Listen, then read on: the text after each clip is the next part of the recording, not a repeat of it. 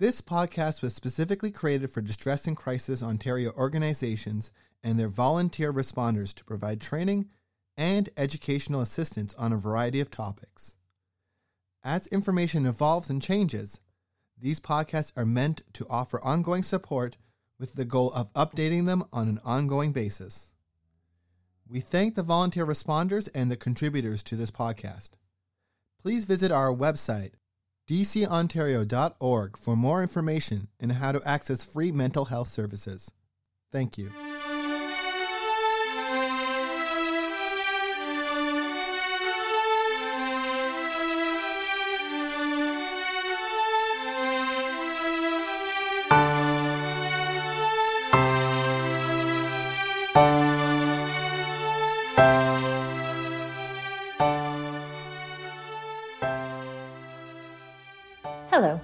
Name is Caitlin Plant, and I am the Program Manager for Distress and Crisis Ontario.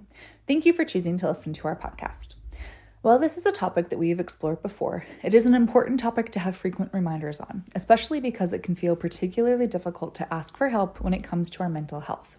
So, for this week's podcast, we're going to re explore some signs that might suggest you need to seek out help, share some strategies you can use to ask for it, talk about why it's important to reach out, and finish by sharing some tips on how you can check in with someone who you think may need help.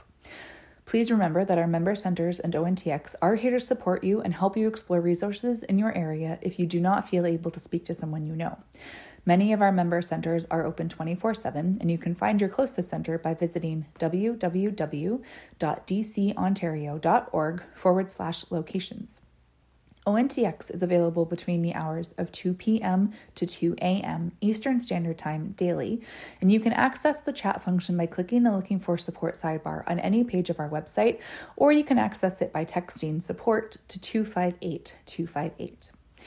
Now, here are some signs or behaviors that might indicate a need for help. Please keep in mind that the earlier you ask for help, the quicker and more effective the help can be, but it is never too late to reach out. The first sign to look out for is if you're finding it difficult to concentrate on tasks you would normally not struggle with.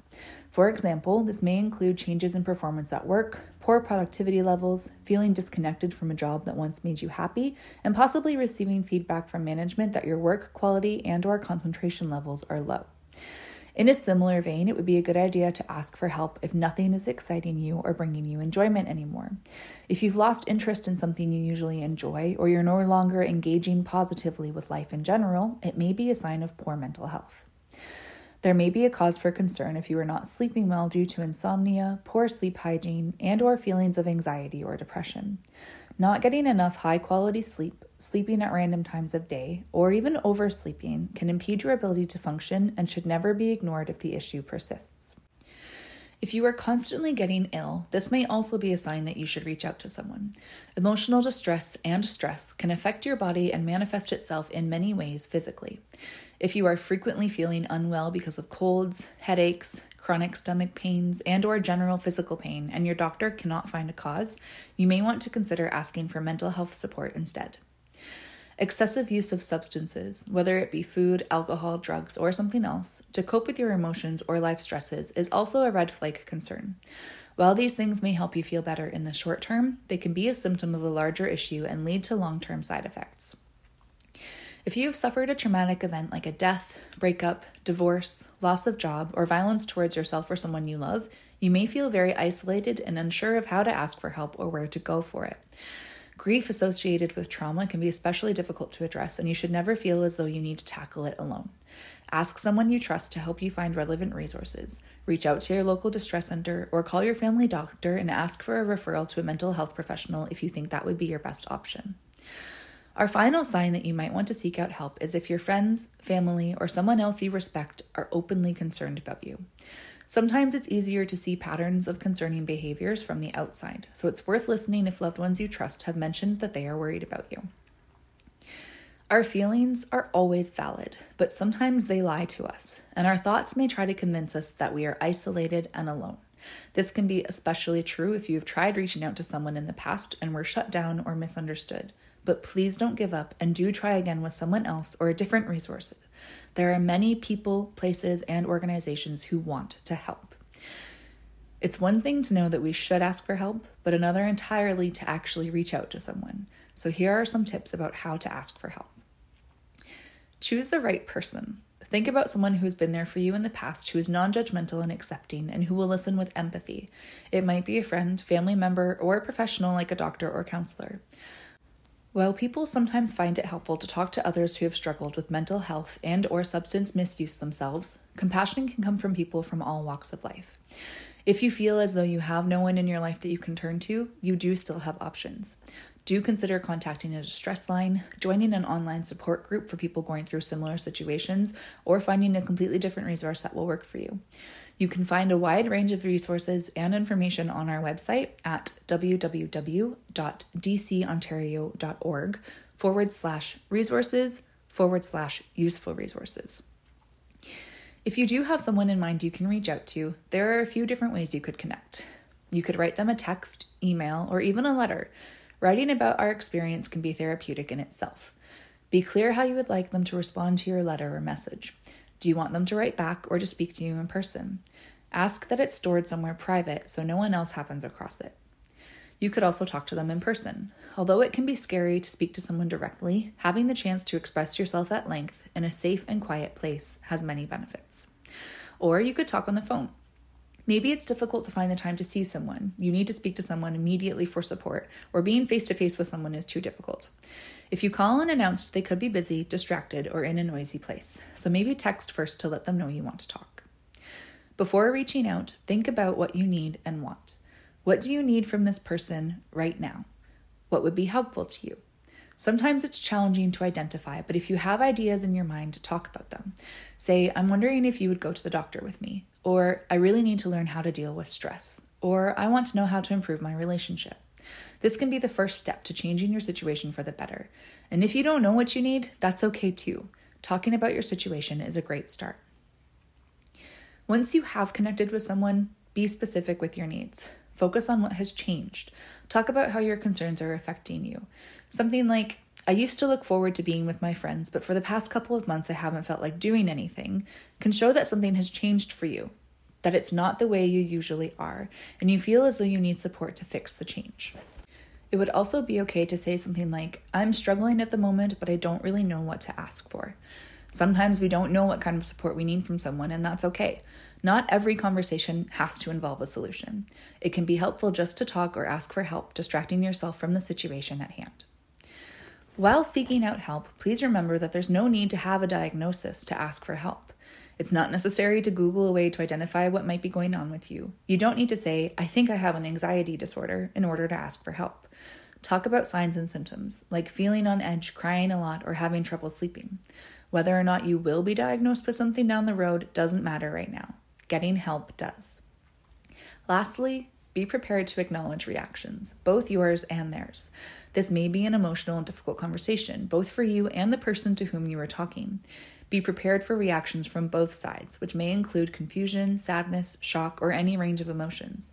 Unfortunately, you may not get the support you are hoping for, and the other person may be critical or dismissive.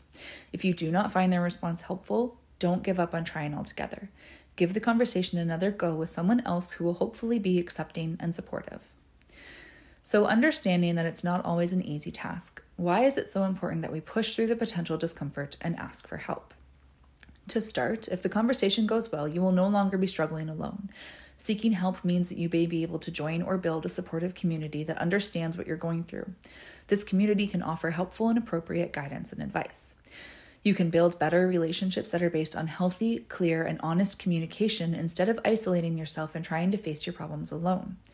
Asking for help reduces your risk for other medical issues. As already mentioned, poor mental health can cause other medical issues. Poor sleep and sleep disorders, weight gain or loss, digestive problems, and other illnesses are all linked. Seeking help early on will minimize your risk of developing other health conditions. It improves your quality of life since getting help will assist you in strengthening your relationships and meeting new friends. You'll also learn how to cope with challenges that arrive on a daily basis while discovering what does and doesn't work for you. This also means that you will be able to perform to the best of your ability in all other areas of your life, as your energy will not be drained by constantly trying to overcome things on your own. All of these things can positively benefit your life in the long run while creating a healthier and happier you. So, what can we do if someone comes to us seeking help, or if listening to this podcast has brought someone to mind who might be struggling? The best thing to do is express your concern and offer your support in a non judgmental and understanding way. Find out if the person is getting the care that they need and want. If not, help connect them to an appropriate support service. Remind your friend or family member that you care about them, that help is available, and that mental health problems can be treated. Ask questions, listen to ideas, and be responsive to their concerns. It can be very helpful to offer to take some pressure off by helping with everyday tasks like cooking or cleaning. Try including your friend or family member in any plans that you're making. Continue to invite them without being overbearing, even if they resist your invitations. If you're unsure of how to begin talking to someone, try leading with one of the five following suggestions and make sure to actively listen to their response. I've been worried about you. Can we talk about what you're experiencing? If not, who are you comfortable talking to and how can I help you connect with them? I am someone who cares and wants to listen. What do you want me to know about how you are feeling? Who or what has helped you deal with similar issues in the past? Sometimes talking to someone who has dealt with a similar experience helps. Do you know of others who have experienced these types of problems who you can talk with? It seems like you are going through a difficult time, and I want to help, but I'm not sure I am the best option. How can I help you to find help? Follow up the conversation by asking Is there anything else I can help you with? It can be useful to know how to connect people to help from other sources, especially if they come to you with something you were unsure how to support them through. It's okay to be honest about your limitations in providing help. Consider researching some possible resources in your area before reaching out to the person you are concerned about. Communicate in a straightforward manner and be respectful of their situation. Discuss the topic when and where the person feels safe and comfortable and watch and or listen for their reactions during the discussion. Slow down or back up if the person becomes confused or looks upset. Be sure to validate their experiences and normalize what they are going through. Make sure they know that they are not alone and they are not the first person to be experiencing challenges like these. Thank you for listening to this week's podcast. We hope you found it helpful. Again, please remember that our member centers and ONTX are always happy to hear from you and offer support when you are struggling. No matter how big or how small, if there's something you want to talk about, please reach out. You can use our website to find your closest center, access ONTX, or explore other resources. As always, if you have any feedback on this episode, past episodes, or have requests for future content, please do fill out the feedback form at the link in the show notes. I wish you all the best this week and hope you'll join us again next week. Take care.